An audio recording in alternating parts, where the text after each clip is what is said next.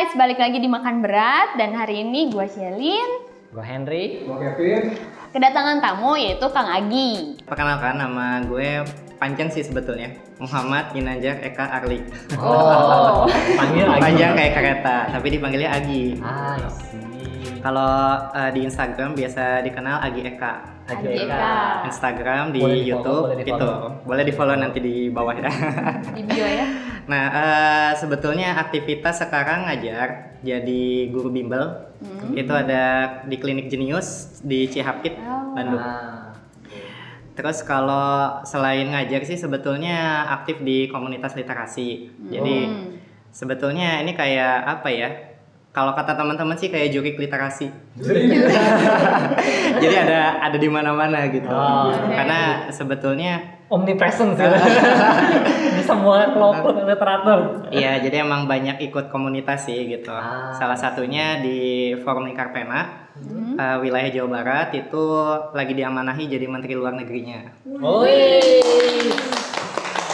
Terus eh, ada komunitas Fantasia. Di sana itu jadi Sabta Prabu. Apa, Apa itu? Sabta Prabu itu kayak apa ya? Eh, pembinanya lah, bukan Oh, ya oke. semacam itunya. Terus eh, salah satunya juga lagi ini belajar ngebooktube sama Bookstagram. Instagram. Oke. Ya, jadi eh, kalau di Bookstagram sebetulnya dulu sempat gabung di Reader Squad sama Book Nerds Bandung. Hmm. Tapi kalau di Booktube eh, gabungnya Booktube ID. Oke. So, karena bulan ini lagi bulan puasa, jadi kali ini kita nggak akan makan sambil ngobrol. Makannya dilangin. Ya, kita bakal ngobrol-ngobrol yang sedikit lebih berat daripada biasanya, yaitu kita bakalan ngebahas tentang buku. Jadi makan hari ini makan buku. Nah, pertanyaan pertama nih ya. Lagi baca buku apa? Dimulai dari oh Kang Egi terakhir ya, soalnya dia pemungkas. Dimulai dari yang paling mencurigakan jarang pernah baca buku, Shelin. Maaf ya, saya nggak pernah baca buku. Bukan nggak pernah, pernah lah, tapi be- beberapa doang. Jadi saya seringnya nonton. Kalau apa-apa saya nyarinya ke YouTube nonton, bukan ke buku. Jadi sekarang lagi nggak baca buku apa pun. Lagi nggak baca buku apa pun. Terakhir deh, terakhir baca buku gue mau tahu kapan dan buku apa.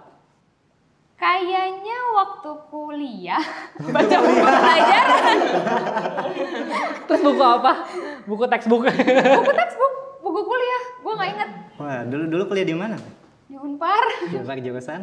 Unpar jurusan manajemen. Jadi waktu Manajemen. terakhir baca buku itu waktu skripsi. Waduh. Oh, buku yang buat referensi skripsi. Iya betul. Karena harus ada daftar pustaka. Betul. Udah itu nggak baca buku lagi. Bacain satu orang yang sekarang. Nah iya bacain satu seorang. Bacain gosip baca. Oke, Kevin. Kevin. Sekarang lagi baca bukunya Jordan Peterson sama Alina Wheeler. Dua buku. Apa itu? Apa itu? Jordan Peterson judulnya 12 Rules to apa ya gue lupa. Nanti adalah di layar di Oke. Pokoknya 12 rule ten- wah, itu lebih ke self improving sih. Ah. Lebih buku tentang itulah. Satu lagi mah designing brand identity. Wih. Mantap, mantap. Oke, berapa persen dari buku itu yang sudah dibaca? Sekitar 20% dua-duanya. Oke. Oke. Terus berarti gua ya. Hmm. Jujur sih sekarang lagi nggak baca buku sih sama kayak Shelin. Tapi, tapi terakhir gua baca buku adalah tahun lalu ketika baru awal merit. Wih. Buku yang dibaca Buku nikah. itu bukan sih. Brokot. Brokot. Enggak, enggak, enggak, enggak. Yang terakhir gue baca adalah buku uh, How to Talk Like a TED kalau nggak salah judulnya gue lupa sih. Itu jadi nyeritain sebuah buku, nyeritain tentang gimana sih uh, kenapa pembicara di TED atau kan TED TED Talk. ya. Ya TED Talk itu uh, bisa mencapai apa sih inspir- inspiring people lah dalam waktu dua- 18 sampai 23 menit. Iya. Trik-triknya apa aja? Mereka eh, apa sih yang bikin pembicara talk TED Talk itu begitu kuat gitu. Hmm. Tentang itu lah. Baru baca sekitar 40% kayaknya. Berarti nggak beres ya? nggak beres. 40 persen dan udah gitu sibuk sama yang lain, lain, lain, lain, lain, lain, lain, lain dan terlupakan. Sekarang gue lagi nyari bukunya lagi ada di mana dan belum ketemu. Oke, nah sekarang Kang Agi sendiri Kang Agi. lagi baca buku apa? Kalau sekarang sebetulnya seminggu terakhir ini lagi lagi banyak selingkuhnya. Lagi banyak selingkuhnya. jadi kebetulan kan lagi pengen ikut lomba nih. Hmm. Uh, jadi sampai sekitar dua minggu terakhir ini lagi beresin serial Buminya Terelia. Apa tuh? Ada yang tahu? Tentang apa tuh? Novel, Enggak. novel, Iya, novel iya. fantasi. Uh, serial Bumi itu ada tujuh jilid. Bumi, bulan, matahari, bintang, Seros Batozar, komet sama komet minor. Roaming saya. Ya gitu. Jadi uh, ini terbitan Gramedia kebetulan lagi ada lomba. Ah. Jadi uh, ah, deadline-nya itu sampai akhir bulan April sih. Lombanya lomba apa itu? Lomba resensi. oh review ya review lah Oh iya, lomba nge-review. Kalau hadiah utamanya itu kan uh, apa namanya dapat tiket PP ke Jepang. Uh, jadi ya doakan saja mudah-mudahan bisa menang. itu yang pertama, tapi di samping itu sekarang lagi baca dua buku juga. oh ini selingkuhannya atau yang main course-nya ini Ya. ini yang istri resmi ya istri resminya gitu Eh, dua lagi itu yang pertama Ghost Fleet yang kemarin sempat rame. Dengar nggak? Yang dari apa namanya salah satu calon presiden sempat ngomong Iya iya iya. Indonesia bubar 2030 oh ya ya ya ya. Nah itu eh, lagi baca buku itu kebetulan dapat kerjasama dengan Mizan jadi dikirimin bukunya. Sekarang lagi dibaca nanti mau direview nah jadi kalau yang pengen lihat reviewnya nanti cek aja di YouTube saya Nah, ya terus eh, sama satu lagi itu lagi baca buku Couplepreneur Story Tentang apa itu? tentang pasangan yang berbisnis sih. Gitu. Oh. Jadi kalau kalau yang ini mah sebetulnya buat kerjaan. Eh, karena kebetulan di samping ngajar itu kan eh, saya punya job sampingan nulis. Jadi nulis, ngedit. Kebetulan sekarang lagi nge writer, ada buku bisnis.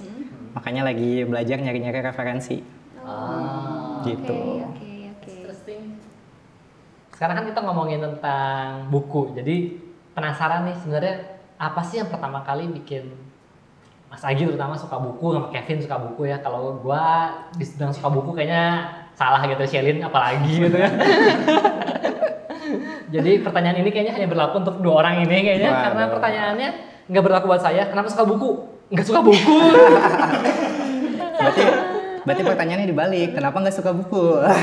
oh good idea ya Boleh boleh. Boleh, boleh, boleh. Jawab yang suka Ya, buku. Sukanya. Kenapa kita nggak suka buku ya? Nah, Oke, dimulai dari kali ini karena pertanyaannya dari yang suka buku dulu. Nah, jadi pemungkasnya duluan deh. Silakan. Kang saya Agi. dulu ya. Eh, sebetulnya saya awalnya malah malah nggak bisa baca. Jadi saya termasuk yang telat baca waktu itu. Ah. Eh, kebetulan waktu itu kelas 2 SD, teman-teman yang lain itu udah pada lancar. Saya sendiri yang belum gitu. Akhirnya eh, waktu itu mama nyodorin buku. Eh, dikasih waktu itu buku Doraemon, komik. Oh, komik. Jadi eh, kata mama, ya seenggaknya kalaupun saya belum bisa baca, masih terbata-bata, tapi masih bisa ketawa lihat-lihat gambarnya. Gitu. Akhirnya satu tahun eh, udah lancar, senang kan baca. Pokoknya tiap Sabtu itu ke Gramedia beli 10 buku, hari Seninnya udah habis. Gitu. Ya karena komik kan Iya, cepet iya, gitu. Akhirnya ya karena mungkin mama waktu itu kan mikir, alah ini beli 10 buku habis dua hari ya.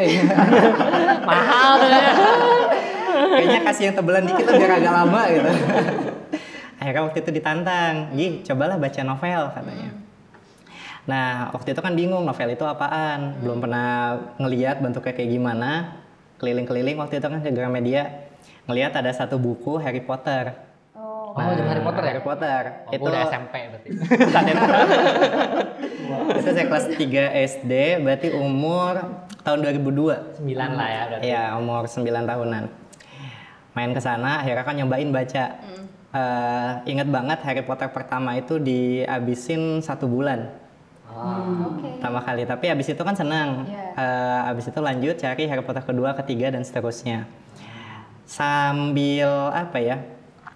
Sambil nunggu jilid selanjutnya, itu kan diulang-ulang karena belum terbit-terbit. Jadi dari yang satu bulan itu rekor paling cepat akhirnya sampai cuma tiga jam. Ya, itu ukurannya kan berarti sekitar 300 halaman. Tapi emang rata-rata Jam 100 Tapi emang sekarang rata-rata kecepatan baca saya jadi segitu. segitu ya. Eh, Kalau misalkan buku 300-400 halaman, itu biasanya 3-4 jam beres. Rata-rata sekali duduk, kayak dibaca semalaman udah selesai gitu. Termasuk Interrelia kemarin, karena bahasanya juga ringan sih, itu sekali duduk, begadang semalam udah selesai. Ini melipir nih pertanyaannya. Itu ada tekniknya nggak baca buku? iya iya iya. Itu pertanyaan itu itu good question itu.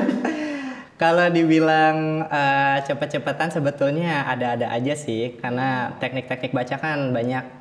Eh, kalau yang paling cepat itu kan sebetulnya teknik scanning. Iya. Tapi itu juga biasanya dipakai untuk buku non fiksi kebanyakan. Eh, karena kan kita cuma pengen lihat ini intinya apa sih gitu. Kayak misalkan kalau buku bisnis ya misalkan oh intinya mulai ya udah gitu. Eh, tapi kalau novel biasanya tergantung. Ini eh, ketika mau baca, saya biasanya ngebedain dulu tujuannya apa. Kalau tujuannya buat dinikmatin aja, itu biasanya agak cepat gitu. Jadi kayak eh, ngebaca tak tak tak tak tak tak selesai gitu. Cuma ditangkap poinnya, oh eh, dia habis dari sini ke sini, terus ketemu ini, konfliknya di sini, endingnya gini gitu. Tapi karena profesi sampingannya kan nulis, jadi kadang-kadang ada yang ngebaca itu emang buat riset.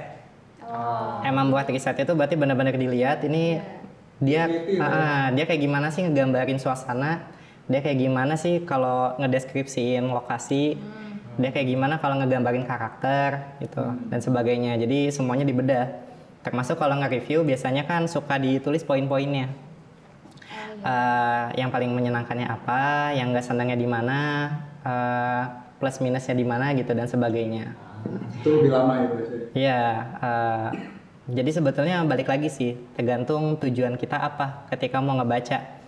Tapi salah satu yang paling kerasa sih, em, kalau nggak salah pernah baca di buku Quantum Reading. Quantum reading.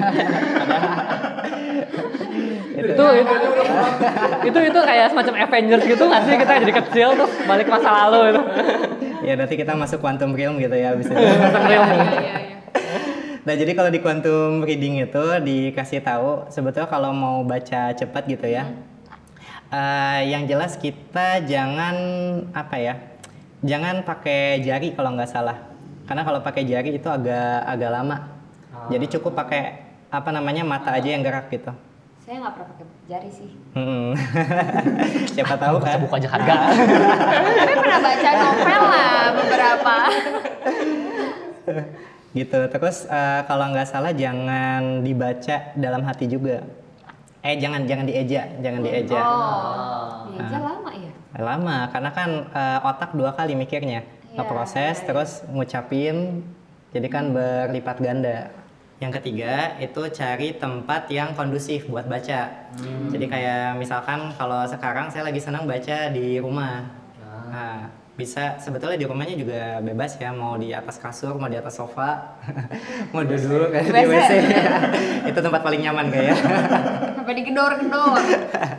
nah jadi eh, pas tempatnya udah nyaman suasananya tenang itu biasanya kita lebih fokus bacanya bahkan kalau bisa eh, hindari semua yang bisa ngeganggu.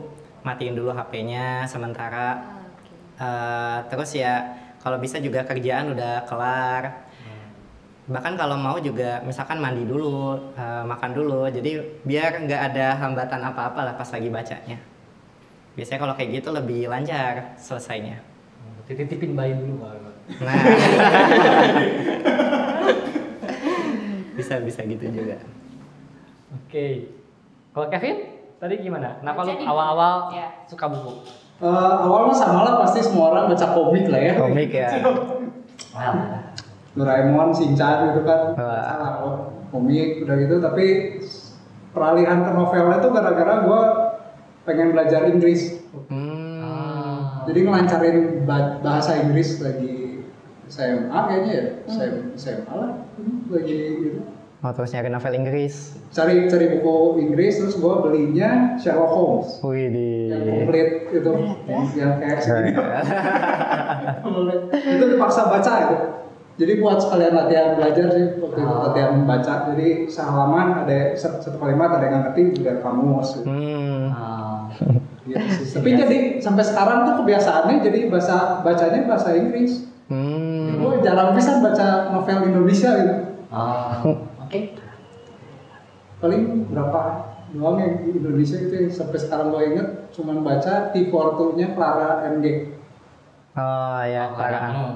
Di foto. Betul, betul. Kenapa kita nggak suka? Nggak suka ya, oke. Mau lu dulu ya, lu dulu lah. Bukannya nggak suka sih ya, kayak eh, dulu kan lagi zaman zamannya Twilight tuh. Iya. Twilight pas zaman aku SMA kan. Iya. Jadinya eh, banyak yang bilang di Twilight tuh di, di novelnya tuh lebih lengkap gitu-gitu Hmm, kan biasanya daripada di film. Em, novel serian yang bener-bener dibaca waktu itu pertama kali adalah novel Twilight. Ah. Dan tujuannya sama kayak Kevin, pengen lancarin bahasa Inggris. Hmm. Bahasa Inggris. Jadi Twilight semuanya pakai bahasa Inggris, terus beres. Hmm.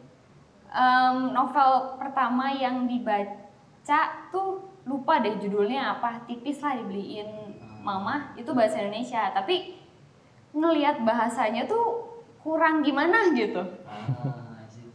Udah gitu emang dari kecil lebih seringnya tuh nonton, lebih senangnya tuh nonton visual daripada baca tulisan Hmm. gitu. Jadi dibilangin nggak suka juga ya kalau itu rame juga Bisa aja dibaca. bisa aja dibaca. Dan yang kedua menurut aku rame tuh Fifty Shades of Grey. Buset. Di. Jujur aja. itu kayak Twilight XXX Twilight XXX. ya cuman dia tetap dibaca karena itu pada baca, orang-orang pada baca. Katanya rame, ya aku baca juga sih. Nggak salah kan? gitu. Gua kenapa gua nggak suka? Gua nggak tahu sih tapi dari dulu mami gua tuh emang termasuk tipikal yang pelit sama buku. Jadi kalau beli buku tuh kayak buat apa gitu ya. Padahal kalau dipikir-pikir ya, papi gue tuh punya perpustakaan karena papi gue dosen jadi bukunya a lot gitu. Tapi kan buku papi gue kalau gue baca What the hell is this gitu ya. buku textbook tentang programming tahun 70-an atau 80-an yang eh, elektro gitu. Ya nggak ngerti juga. Cuma sebenarnya sempet sih lagi pas kayaknya SD kecil itu eh, kita langganan majalah Bobo sama majalah Donald Donald Bebek kayaknya Hmm, dulu ya iya, masih iya. diantarin tiap minggu dilempar itu dulu Iya. kan. Nah, itu kayaknya sempet sempet di situ masih rajin-rajin baca sih tapi kan bacanya komik jadi menurut komik gua nggak ada gunanya jadi dihentikan sejak itu ya baca buku ceritanya dari perpustakaan terus ya Hmm. maksudnya nggak berkembang ke mana-mana SMP juga nggak baca kayaknya mungkin SMP akhir gue baru baca Harry Potter ketika semua orang demam Harry Potter. akhir, jadi iya. mungkin buku pertama novel gue sama kayak di Harry Potter. Wih di. gitu ya. Bahasa Indonesia yang minjem bukan gua. Dede gue yang pinjem tiga hari dia beres. Terus sekarang harus balikin tiga hari berikutnya gue baca tiga hari itu tiga nggak tidur kalau nggak salah. Di sekolah tidurnya lagi pas kelas. Nah udah gitu mulai eh, baca sih mungkin Harry Potter jadi baca. Terus mulai arah eh, apa ya yang naga ya? Arah ah, bukan. Eragon. Eragon, Eragon, Eragon, ya. Eragon itu karena salah satu kakak angkat gua dia koleksi buku banyak jadi terus dia bilang ini rame-rame baca deh baca belajar baca Hmm. cuman ya sebatas novel aja terus kalau novel yang nggak gitu rame terutama kayak Lord of the Ring Wah. itu rame tapi gua nggak tahu nggak sanggup bacanya karena bahasanya begitu membosankan itu susah banget untuk ngabisin dan jadi jarang baca lagi gitu cuman Hmm. Eh, banyak sih yang ngomong ke gue baca itu penting kan. Jadi maksain aja. Sebenarnya sih nggak gitu suka tapi ya dipaksa sih. Gue lebih suka ngobrol sih. Hmm. biasanya ngobrol sama orang yang udah baca buku gue juga dapat resensinya. Lebih cepet. Gitu. Ngobrol sejam dua jam dua jam tiga jam oh gue tahu kira-kira buku itu tuh ngomongin apa gitu. Jadi gue cuma perlu lihat buku itu sekilas gue baca sekilas sekilas oh, oke gue tahu kira-kira apa. Cuman sebenarnya salah satu titik balik ketika gue mulai lagi baca buku gitu ya dan buku yang benar-benar book yang not a novel bukan buat hiburan Ya, tapi knowledge. ya. knowledge gitu buku knowledge. Itu itu ketika SMA waktu itu lagi stres banget entah kenapa lagi down. Biasanya anak SMA kan apabila hal-hal nggak penting ya gitu ya. Stresnya tuh hal nggak penting. Kalau zaman sekarang gue bilangin lu goblok banget dulu stres karena kayak gitu gitu ya. Lu ngapain lu stres kalau kayak gitu? Nah dari situ eh, sempat depresi apa gitu terus dikasih buku berapa dan gue mulai baca dari situ mulai oh ya buku can help gitu. Hmm. dari situ mulai eh, zaman kuliah itu masih maksain sih walaupun jujur ya nggak setahun dua buku gitu ya. Tapi at least eh, ada buku yang dibaca gitu. Terus ya karena banyak teman juga yang dari eh, luar dari London dari apa gitu mereka kadang-kadang pulang terus dia bilang "Eh, di Indonesia nggak ada nih gue bawain buku baca gitu kan. Hmm. bukunya menarik nggak ada di sini gitu. Mulai baca sih dari situ. Jadi eh, baca buku Inggris juga yang gue baca terus udah gitu sibuk sama bisnis dan pacaran dan lupa semuanya. Nggak baca lagi? Ya begitulah nah, nasib baca buku gua. Jadi bilang nggak suka sih bukan nggak suka tapi ya harus maksain sih. Hmm. kalau nggak maksain nggak akan baca karena bukan sesuatu yang dicari. Hmm. kita lanjut ke berikutnya adalah buku apa sih yang lu rekomendasiin untuk dibaca supaya orang itu apa ya terangsang lah mau membaca dan gimana gitu ya. Itu terutama buat yang apa tadi katanya? Eh, juriknya buku. Pasti bukunya banyak terus Kevin emang rajin baca buku gitu ya. Gila rajin juga enggak sih. ya gue punya satu dua buku lah. Gue nggak tahu kalau Silin punya buku atau enggak tapi ya I hope so lah. Silin punya juga mungkin satu dua buku. Fifty Shades of Grey kemungkinan besar gitu. Tapi ya kita pernah nggak tahu dulu. Oke. Gawon dari Siapa dulu? Kevin dulu deh. Gue buku apa yang lo rekomendasiin eh ini yang yang apa ya ke guanya tuh buku Impact. impact gitu life changing gitu. ya. Kalau buku novel tuh terakhir yang yang impact ke gua tuh ya, Miss Born trilogi Hmm. eh, Brandon Sanderson. Ya. Tentang itu apa? Hah? Tentang apa? tentang lupa gua. katanya life changing Cuma cuma ceritanya kan eh, itu trilogi kan. ya Jadi intinya tuh jadi gimana kalau misalnya si hero hmm. sampai titik momen akhir Hmm. dia memutuskan untuk jadi jahat tuh. Ah, kayak misalnya. Hmm. jadi kayak si si kalau Lord of the Ring yang terakhir itu si Frodo Frodo, ya, Frodo. Frodo-nya nggak nggak nggak jatuhin cincin ah lebih Hmm. gitu. terus terus dari situ kan dunianya jadi kacau terus ada sekelompok orang eh, ban, bisa dibilang bandit gitu ya mau nyuri si ini nyuri dari raja si ini. ah tapi itu edan lah kata gua salah satu buku yang mind blown gitu si plotnya magic sistemnya bagus gitu. ah Hmm. Impact dan life changingnya buat lu sendirinya apa itu? Memikirkan ulang lagi fantasi. Novel fantasi itu oh bisa gini gitu. Oke. ceritanya. Oke. Itu sama itu sih magic sistemnya gitu. Oh gitu gitu. Dia ngolahnya gitu, gitu. Hmm. kalau yang buku novel itu sih. Kalau Non fiksinya ada. non fiksi Iya. non fiksi apa ya? Terakhir itu banyak yang gue baru baca lagi. Soalnya yang Jordan Peterson ini. Oh Jordan Peterson. Itu bagus sih walaupun gue masih ya 12 rules of something ya of something bakal muncul lagi di sini itu helping lah buat gue Ah. lumayan gitu. Kalau mungkin gue dulu kali ya, yang kita terakhir. Bising banyak bukunya. Eh, kalau gua, gua rasa ada dua buku sih. Satu yang menarik kata gua dan gua bilang, oh baru tahu kalau namanya buku itu mengubah persepsi itu kalau gua Anastasia. Anastasia Anastasia Vladimir Megre. Oh. Itu buku Rusia, eh, terjemahan ke Inggris ada sih. Kalau bisa baca bahasa Rusianya kan lebih bagus. Karena katanya bahasa Rusia itu punya 33 alfabet kan daripada 22, jadi ada yang kurang, katanya ada yang hilang maknanya sebagian gitu. Cuman footnote-nya banyak segala macam dan itu oke banget. Eh, menurut gua terutama kita itu banyaknya pengaruhnya kan dari US gitu ya. Filosofi kita tuh US banget gitu. Jadi ternyata ketika kita lihat filosofi Rusia yang selama ini kan dibilang komunis lah apa segala macam itu it's very different and sebenarnya nggak nggak anti Tuhan gitu, nggak ateis juga sebenarnya tapi dan it's very very different lah gitu.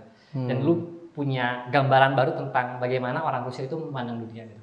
Jadi itu suatu yang gue rasa oh this is new. Something different lah gitu. Itu Anastasia. Nggak panjang bukunya sebenarnya bukunya banyak tapi baca satu juga udah lumayan oke sih buku pertamanya doang Anastasia buku kedua sampai buku ketujuhnya gue juga belum baca baru baca buku dua sebagian dekat kecil Eh, itu oke seriesnya nah kalau nggak salah nama seriesnya tuh apa ringing cedar kalau nggak salah. Hmm. Nah gitu. Terus kalau buku non fiksi, gue nggak ingat judulnya apa, karena dia bukan dikasih bukunya, tapi tentang uh, Toltec, Toltec Warrior. Jadi uh, filsafat uh, hidup Toltec gitu seperti apa gitu. Itu menarik bukunya. Intinya sih basically sih nyeritain uh, konsepnya dari film Matrix, Inception kayak gitulah gitu. Hmm. Uh, kalau lu nonton Matrix Inception itu banyak ngambil dari Toltec gitu sebenarnya. Jadi mereka ngomong tentang dreaming of the world gitu, dreaming of the universe. Ketika kita ngomongin tentang Kevin yang saya kenal atau Kang Agi yang saya kenal adalah dreaming Kang Agi ya gitu dalam sini saya gitu. Hmm. Itu jadi katanya apa pun pengenalan kita terhadap orang itu bukan orangnya sebenarnya gitu. Karena kita nggak bisa mengenal 100% dari orang itu gitu. Hmm. Itu menarik sih bukunya belajar banyak tentang bagaimana kalau lu dijudge atau gimana. Jadi sebenarnya gimana sih cara kita untuk mengembangkan diri supaya kita tuh sebenarnya nggak takut dijudge gitu sama orang. Wis. Dan gimana supaya kita tuh menerima orang lain juga tanpa judge gitu. Hmm. Karena kita tuh nggak bisa kenal orang 100% gitu. Kalau kita ingat quotes-nya Inception gitu ya. Eh, ingat ketika si Leonardo tuh bilang ke istrinya itu yang gambarannya kan you just a dream. Eh, lu tuh cuman bayangan gitu. Dengan segala perfection dan imperfection lu lu tetap bayangan gitu. Dan lu teh walaupun bayangan gua kalau kayaknya udah perfect tapi teh asli tuh lebih perfect. Hmm. nah itulah gitu. Menurut gua itu yang bagus lah bukunya gitu. Jadi bisa cari sih banyak sih sebenarnya buku Toltec tapi rata-rata isinya tentang itu kalau buku Toltec. Gitu ya. jadi kalau kalian punya masalah dengan takut dijudge orang atau apa gua rasa buku Toltec it's for you. membantu banyak Gitu. nanti jadi orang yang nggak peduli sama tanggapan orang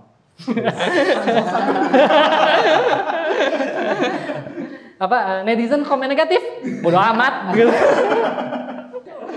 kalau kata gua ya oke lah, lu minta di skip, tapi kalau kata gua jangan skip. Gini nih, apa sih yang lu dapetin dari menarik, itu susah, itu susah, itu susah tapi menarik itu. Apa yang lu dapetin dari Fifty Shades of Grey? Nah, Oke, itu satu hal yang gua rasa orang mau tahu juga sih. Sebenarnya kalau gua baca Fifty Shades of Grey, gua dapat apa sih?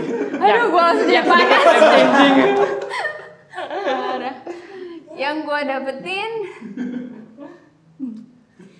pembelajaran sebelum menikah. Dan tentang BDSM udah itu aja sih. ya apa ya? Tentang bonding. Jadi dulu tertariknya emang karena penasaran, pernah dengar duluan buku itu atau gimana? Em, pernah denger lah karena kayak beberapa teman kan baca tuh. Hmm. dan katanya ini bukunya bagus ini bukunya rame terus kayak tentang apa sih oh begitu begitu mau muncul filmnya kan jadi rame juga kan tuh Iya. bukunya terus kayak jadi penasaran ini tuh tentang apa sih begitu baca bukunya? Ini orang berarti yang nulisnya sebegini tahunya ya gitu. Itu aja sih dan ternyata itu banyak hal-hal yang yang nggak pernah kepikiran sama sayanya gitu. Kayak aneh aja gitu. Cuman ya keren sih bukunya. Bukan Wawasan. membuka wawasan jadi saya tahu harus ngapain aja nanti kalau udah menikah we, we don't judge you. Oke gitu. Dari Kang Agi, gimana? Apa ya? Jadi sebetulnya kan gini, em, buku itu sebetulnya kan agak mirip kopi. Jadi tergantung tipe orang, ada yang senang, ada yang nggak suka. Ah iya, Gitu. gua nggak suka kopi. saya suka kok Jadi memang buku itu masalah selera. Ya. Eh, ada orang yang senang baca fiksi, ada yang senang baca non fiksi, ada yang senang baca romance, ada yang suka komedi, beda-beda gitu. Makanya eh, Najwa Shihab juga kan cuma pernah bilang, eh, carilah satu buku yang membuat kamu jatuh cinta, lalu jatuh cintalah. Jadi maksudnya eh, selama dalam proses pencarian itu, memang kita harus nyoba-nyoba semuanya, mungkin ya gitu. Ketika kita nyoba buku bisnis, kok kayaknya nggak seneng ya gitu. Entah itu mungkin temanya yang kita kurang relate, entah mungkin itu penulisnya yang kurang pas gitu untuk kita Ah, baca. Oke. Siapa tahu di buku bisnis yang lain ada yang pas sama kita, gitu. Makanya kan bisa disesuaikan juga sama eh, latar belakang kita. Ah.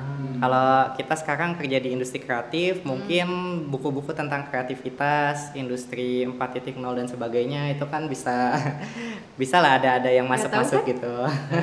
Pernah lihat sih industri 4.0 Pernah dengar juga iklannya di radio Pas FM Industri 4.0 cuman eh, Emang beneran industri 4.0 atau soto tentang itu? Gitu Gue suka pesimis sama buku Indo terus terang sih Nah, gitu. Kalau yang udah baca itu menurutnya menurut Nah, eh, Iqbal tapi kalau yang sekarang gitu ya, Hmm. kalau ngelihat apa namanya anak-anak zaman sekarang sebetulnya kan balik lagi ke hakikat buku yang sebenarnya. Ah. Bahwa tujuan diadakannya buku atau bahan bacaan itu kan sebetulnya cuma dua, Hmm. untuk menghibur dan mengedukasi. Ya, betul Gitu. Kita kita udah penat gitu kan, udah capek seharian kerja di kantor, pas ketemu buku kan pengennya nyantai, Iya. ketawa-ketawa gitu. Kita re- refresh lagi. Hmm. Uh, dan kadang-kadang kita nyari buku yang memang cuma pengen nyari ilmunya, pengen cari wawasannya gitu. Ya dua hal itu lagi kan. Gitu. Nah, anak zaman sekarang itu kebanyakan baca buku itu pengennya ringan-ringan. Hmm. Ada katanya itu uh, genrenya senandika. Senandika Apa itu?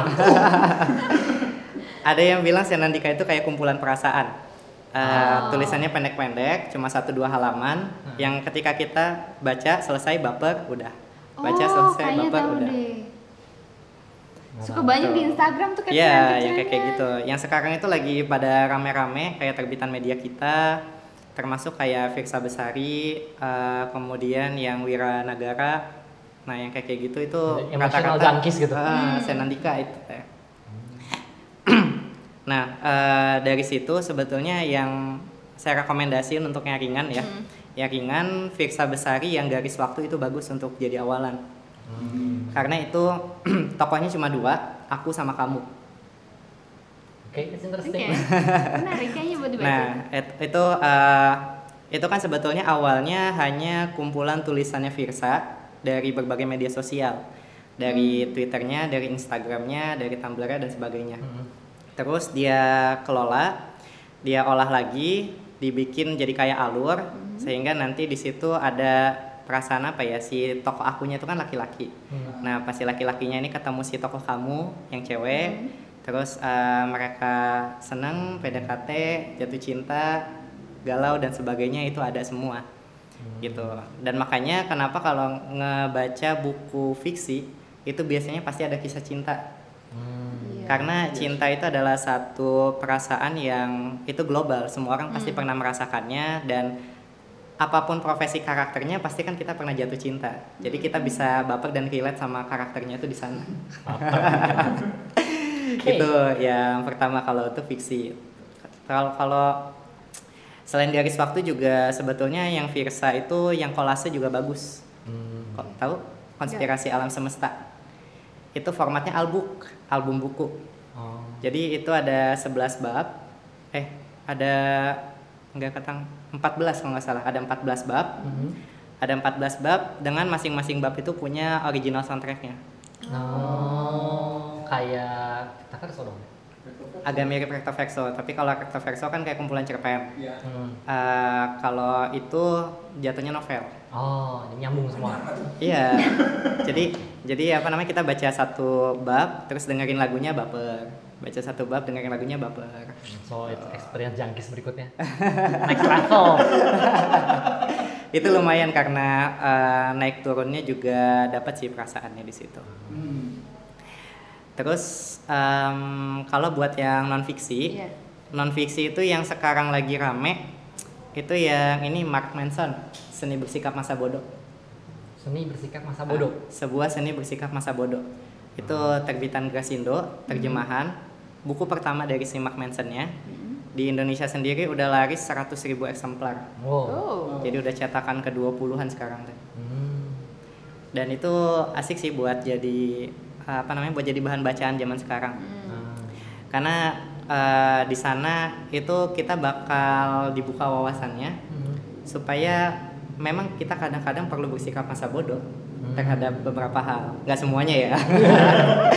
Kalau semuanya mau komen jelek, mau komen bagus ya nggak peduli. Eh, nah gitu. Jadi memang ada ada beberapa hal yang harus kita ambil, Tapi ada beberapa hal ya ya udah nggak usah kita peduliin gitu. Iya. Nah di buku itu itu banyak diulas dan makanya itu jadi salah satu buku pengembangan diri yang lagi rame sekarang. Ah, I see. Mungkin orang juga ngerasa lah zaman-zaman sekarang kan emang kayak gitu.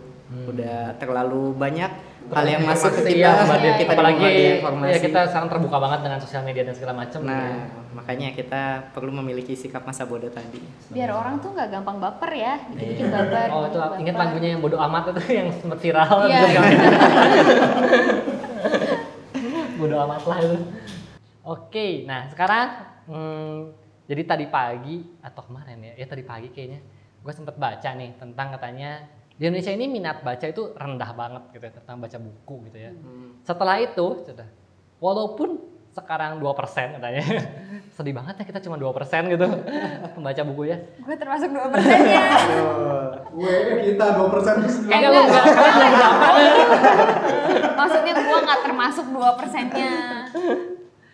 Nah katanya eh, tetap gitu banyak yang baca buku dan tetap bodoh kata kata artikelnya gitu ya. Terus gue kan jadi penasaran ya maksudnya kenapa udah baca buku tetap bodoh ya. Nah, mereka bilang katanya karena sekarang itu adalah romantisme buku. Di mana orang yang baca buku itu pengen kelihatan keren baca buku doang. Bukan karena mau cari ilmunya. Jadi mungkin yang kayak tadi mungkin lebih hiburan, kedua lebih gengsi. Iya. Nah katanya, nah, jadi ini katanya romantisme buku ini adalah yang bikin juga banyak eh, katanya kayak Gramedia atau segala macam ini mereka memborbardir buku yang ada ini adalah dengan buku-buku yang dicari oleh pasar. Betul. Jadi sebenarnya kayak istilahnya mah udah sama kayak TV lah gitu. TV jual sinetron karena sinetron disukai pasar. Gramedia pun sekarang hanya menjual buku yang sebenarnya disukai pasar, bukan yang merangsang pola berpikir. Hmm. Nah, gue sering nggak nggak ngerti ya karena gue jarang baca buku. Tapi dari yang pengamat buku dan jurik buku harusnya kan punya pandangan dan apakah benar itu teh gejala-gejala itu terjadi atau itu tuh sebenarnya cuman orang yang sentimen sama Gramedia. nah, silahkan dijawab gitu karena gue sendiri oh gue baca ya mungkin juga tapi emang gue sih nggak pernah baca buku Indo juga jarang gitu ya. Hmm. Jadi I don't know gitu. Iya. Ya sebetulnya fenomena ini tuh keluar pas eh, ada Wattpad sih mungkin ya. Ah, Wattpad. Itu salah satunya eh, pemicu karena tahun 2016 kalau nggak salah. Itu Wattpad lagi naik-naiknya. Jadi tiap eh, ada dibaca sekian juta, dibaca sekian juta, Hmm. itu kan rata-rata diterbitin terus laris. Bahkan Oh. beberapa akhirnya kan difilmin. Ya. Oh, Jadi oke. eh, dari sana industrinya kan kayak berputar gitu. Hmm. Mungkin ya beberapa penerbit besar akhirnya mikir, ah ini pasar baru nih gitu. Oh. Mumpung apa namanya karena ya namanya kan kalau penerbit besar kayak gitu pasti mereka nyari untung kan. Betul, Ya. betul. Ngelihat di sini ada potensi pasar, belum ada saingan, ya udah terbitin banyak-banyak gitu. Oh. Nah, eh, yang jadi masalah itu karena nggak ada batasannya di Wattpad. Jadi Hmm. fun fact-nya itu kalau misalkan ngelihat ada banyak eh, cerita-cerita dengan adegan dewasa, adegan ranjang, Hmm. sementara yang nulis itu masih SMP, SMA. Oh ya kayaknya gue pernah baca satu dua ya. Nulisnya. How do you know? Nah ini kasihan gitu. Eh, sebetulnya banyak faktor juga sih. Salah satunya ada yang bilang karena asupan bacaan mereka kurang. Yang kedua mungkin imajinasi mereka terlalu berkembang. Mungkin mereka baca terlalu banyak yang belum usianya. Iya, iya, iya. ya sampai akhirnya kan jadi kayak gitu. Nah em, ini juga sih sebetulnya harus ada eh, apa namanya dua hal yang harus diperhitungkan memang setelah itu. Yang pertama memang adanya batasan Eh, dalam arti konten-konten tertentu ya itu kan memang nggak semuanya bisa disebarluaskan gitu. Ah. Maksudnya eh, ketika kayak kayak film lah ada ada batasan umur ini mah PG-13 gitu kan ini 17 ke atas 21 dan seterusnya. Buku nggak ada ya? Jarang ya? Belum belum ada belum banyak sih Eh, kebanyakan sekarang itu buku sastra yang kayak gitu. Kalau terbitan Gramedia sastra biasanya di belakang ada tulisan 21 plus 17 plus Oke. dan itu juga sem- nggak nggak semuanya yang 17 atau 21 itu se- memuat adegan ranjang. Hmm. Bisa jadi karena itu agak filosofis. Oh. Takutnya pembaca awam nanti mikir ini apa buku menyesatkan. Oh, iya, iya, iya. Takutnya sih gitu. Gitu. Nah, eh, makanya kan sekarang juga senangnya banyak penulis yang udah apa ya, tanda kutip mulai melawan lah. Hmm. Jadi mulai apa namanya membuat buku-buku positif, buku-buku yang punya banyak pesan gitu. Iya. Eh, yang aman dinikmati remaja tapi tetap ada nilai-nilai keremajaannya. Ah. Masih dapat baper-bapernya, masih dapat seru-serunya Hmm. gitu. Tapi eh, tetap dalam koridor yang aman Hmm. gitu. Nah, yang kedua, em, seiring membesarnya industri buku yang makin kapitalis, Kapitalis. karena memang kalau masuk ke toko buku yang paling besar di Indonesia itu, Iya. itu kan eh, pajaknya memang gede banget kan, Oh. bisa sampai 40-60 persen. Oh. Jadi bayangin eh, harga buku 50.000 ribu pajaknya udah Iya, lebih dari iya. setengahnya. Jadi mungkin sebenarnya ya Gitu. kalau pajak buku diturunkan itu membantu.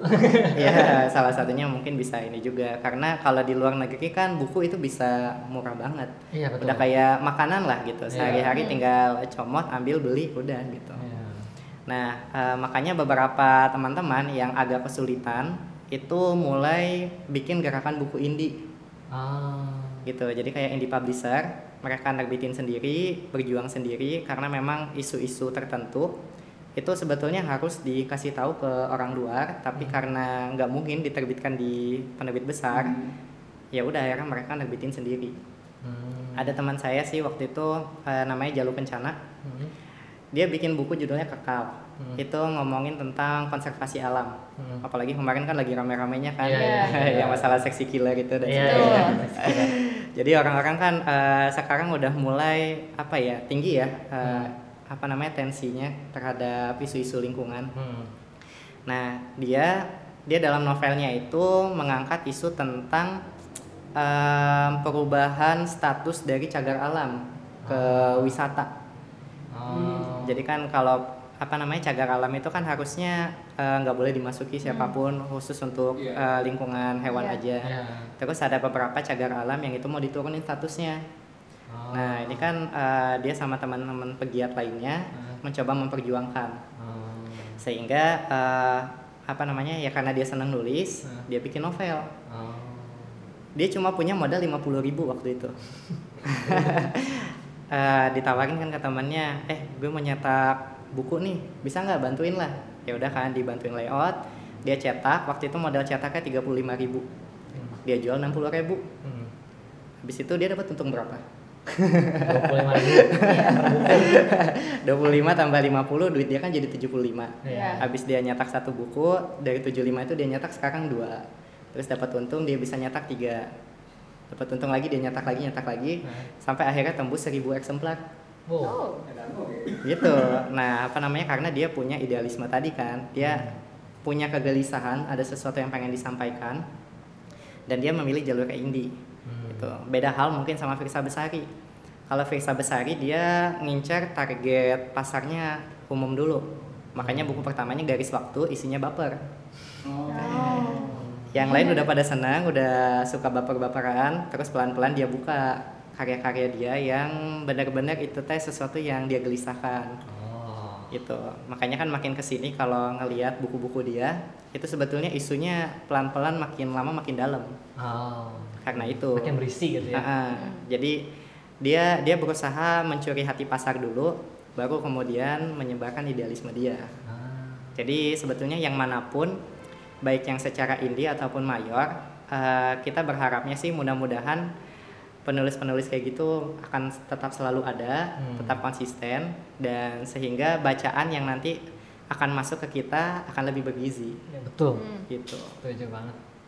Oke, kayaknya kalau kali ini sudah cukup berat, sudah cukup panjang. Mungkin ini yang Berat ya, terpanjang Ovi. dari makan kita kali ini. Tapi kan sambil ngabuburit cocok nih dengerin kita nih harusnya. Nah karena itu eh, mungkin sampai sini aja.